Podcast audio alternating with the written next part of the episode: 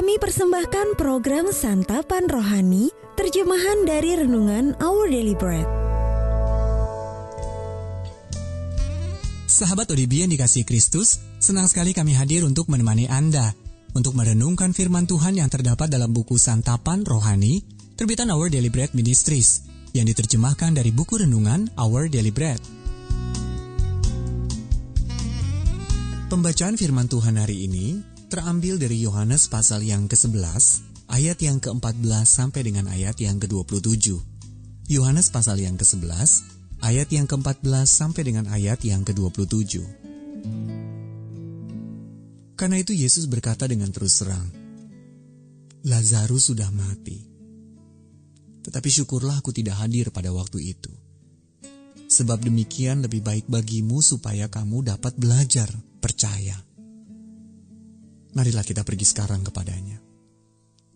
Lalu Thomas yang disebut Didimus berkata kepada teman-temannya, yaitu murid-murid yang lain, Marilah kita pergi juga untuk mati bersama-sama dengan dia. Maka ketika Yesus tiba didapatinya Lazarus telah empat hari berbaring di dalam kubur. Betania terletak dekat Yerusalem, kira-kira dua mil jauhnya. Di situ banyak orang Yahudi telah datang kepada Marta dan Maria untuk menghibur mereka berhubung dengan kematian saudaranya. Ketika Marta mendengar bahwa Yesus datang, ia pergi mendapatkannya. Tetapi Maria tinggal di rumah. Maka kata Marta kepada Yesus, Tuhan, sekiranya engkau ada di sini, saudaraku pasti tidak mati. Tetapi sekarang pun aku tahu bahwa Allah akan memberikan kepadamu segala sesuatu yang kau minta kepadanya. Kata Yesus kepada Marta, saudaramu akan bangkit. Kata Marta kepadanya, aku tahu bahwa ia akan bangkit pada waktu orang-orang bangkit pada akhir zaman. Jawab Yesus, akulah kebangkitan dan hidup. Barang siapa percaya kepadaku, ia akan hidup walaupun ia sudah mati. Dan setiap orang yang hidup dan yang percaya kepadaku tidak akan mati selama-lamanya.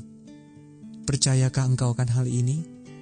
Jawab Marta, Ya Tuhan, aku percaya bahwa Engkaulah Mesias, anak Allah, dia yang akan datang ke dalam dunia.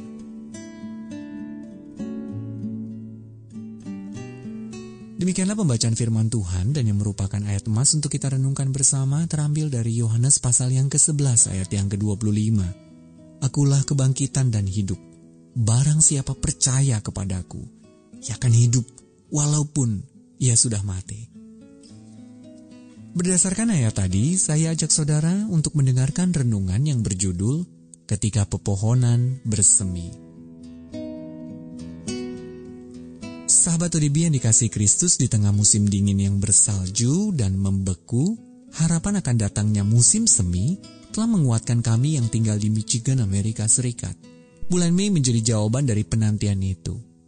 Perubahannya begitu menakjubkan Dahan pohon yang tadinya kering pada awal Mei mulai berubah menjadi ranting yang akan ditumbuhi daun-daun hijau lebat di akhir bulan.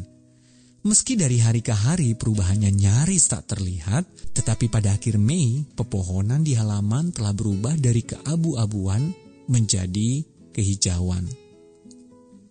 Allah membuat siklus di antara istirahat dan pembaruan bagi karya ciptaannya. Apa yang terlihat mati bagi manusia, bagi Allah adalah masa istirahat. Sebagaimana istirahat menjadi persiapan untuk pembaruan, kematian pun menjadi persiapan untuk kebangkitan. Julie Ackerman suka sekali mengamati pepohonan yang seakan hidup kembali di musim semi. Karena hal itu mengingatkannya bahwa kematian hanyalah kondisi sementara yang bertujuan untuk mempersiapkan kehidupan dan awal baru bagi sesuatu yang jauh lebih baik. Yohanes pasal yang ke-12 ayat yang ke-24 berkata, Sesungguhnya jikalau biji gandum tidak jatuh ke dalam tanah dan mati, ya tetap satu biji saja. Tetapi jika ia mati, ia akan menghasilkan banyak buah. Sahabat ODB yang dikasih Kristus meski serbuk sari sering dianggap sebagai gangguan di musim semi karena mengotori perabot rumah dan membuat orang bersin, bagi saya hal itu mengingatkan bahwa Allah masih bekerja untuk memelihara keberlangsungan dari segala sesuatu. Setelah kematian yang membawa duka cita, dia menjanjikan kebangkitan yang mulia bagi mereka yang percaya kepada anaknya.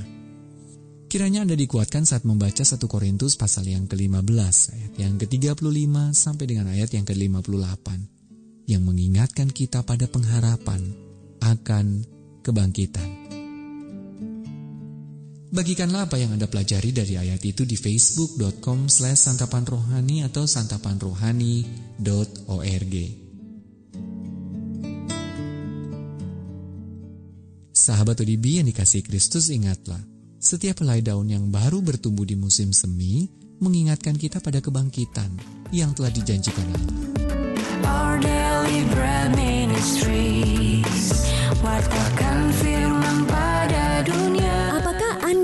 berminat mendapatkan buku renungan ini dalam bahasa Indonesia, Inggris, atau Mandarin, atau Anda rindu mendukung pelayanan ini, hubungi Our Deliberate Ministries di 021 2902 8950, WhatsApp 0878 7878 9978, email indonesia@odb.org. Tuhan Yesus memberkati.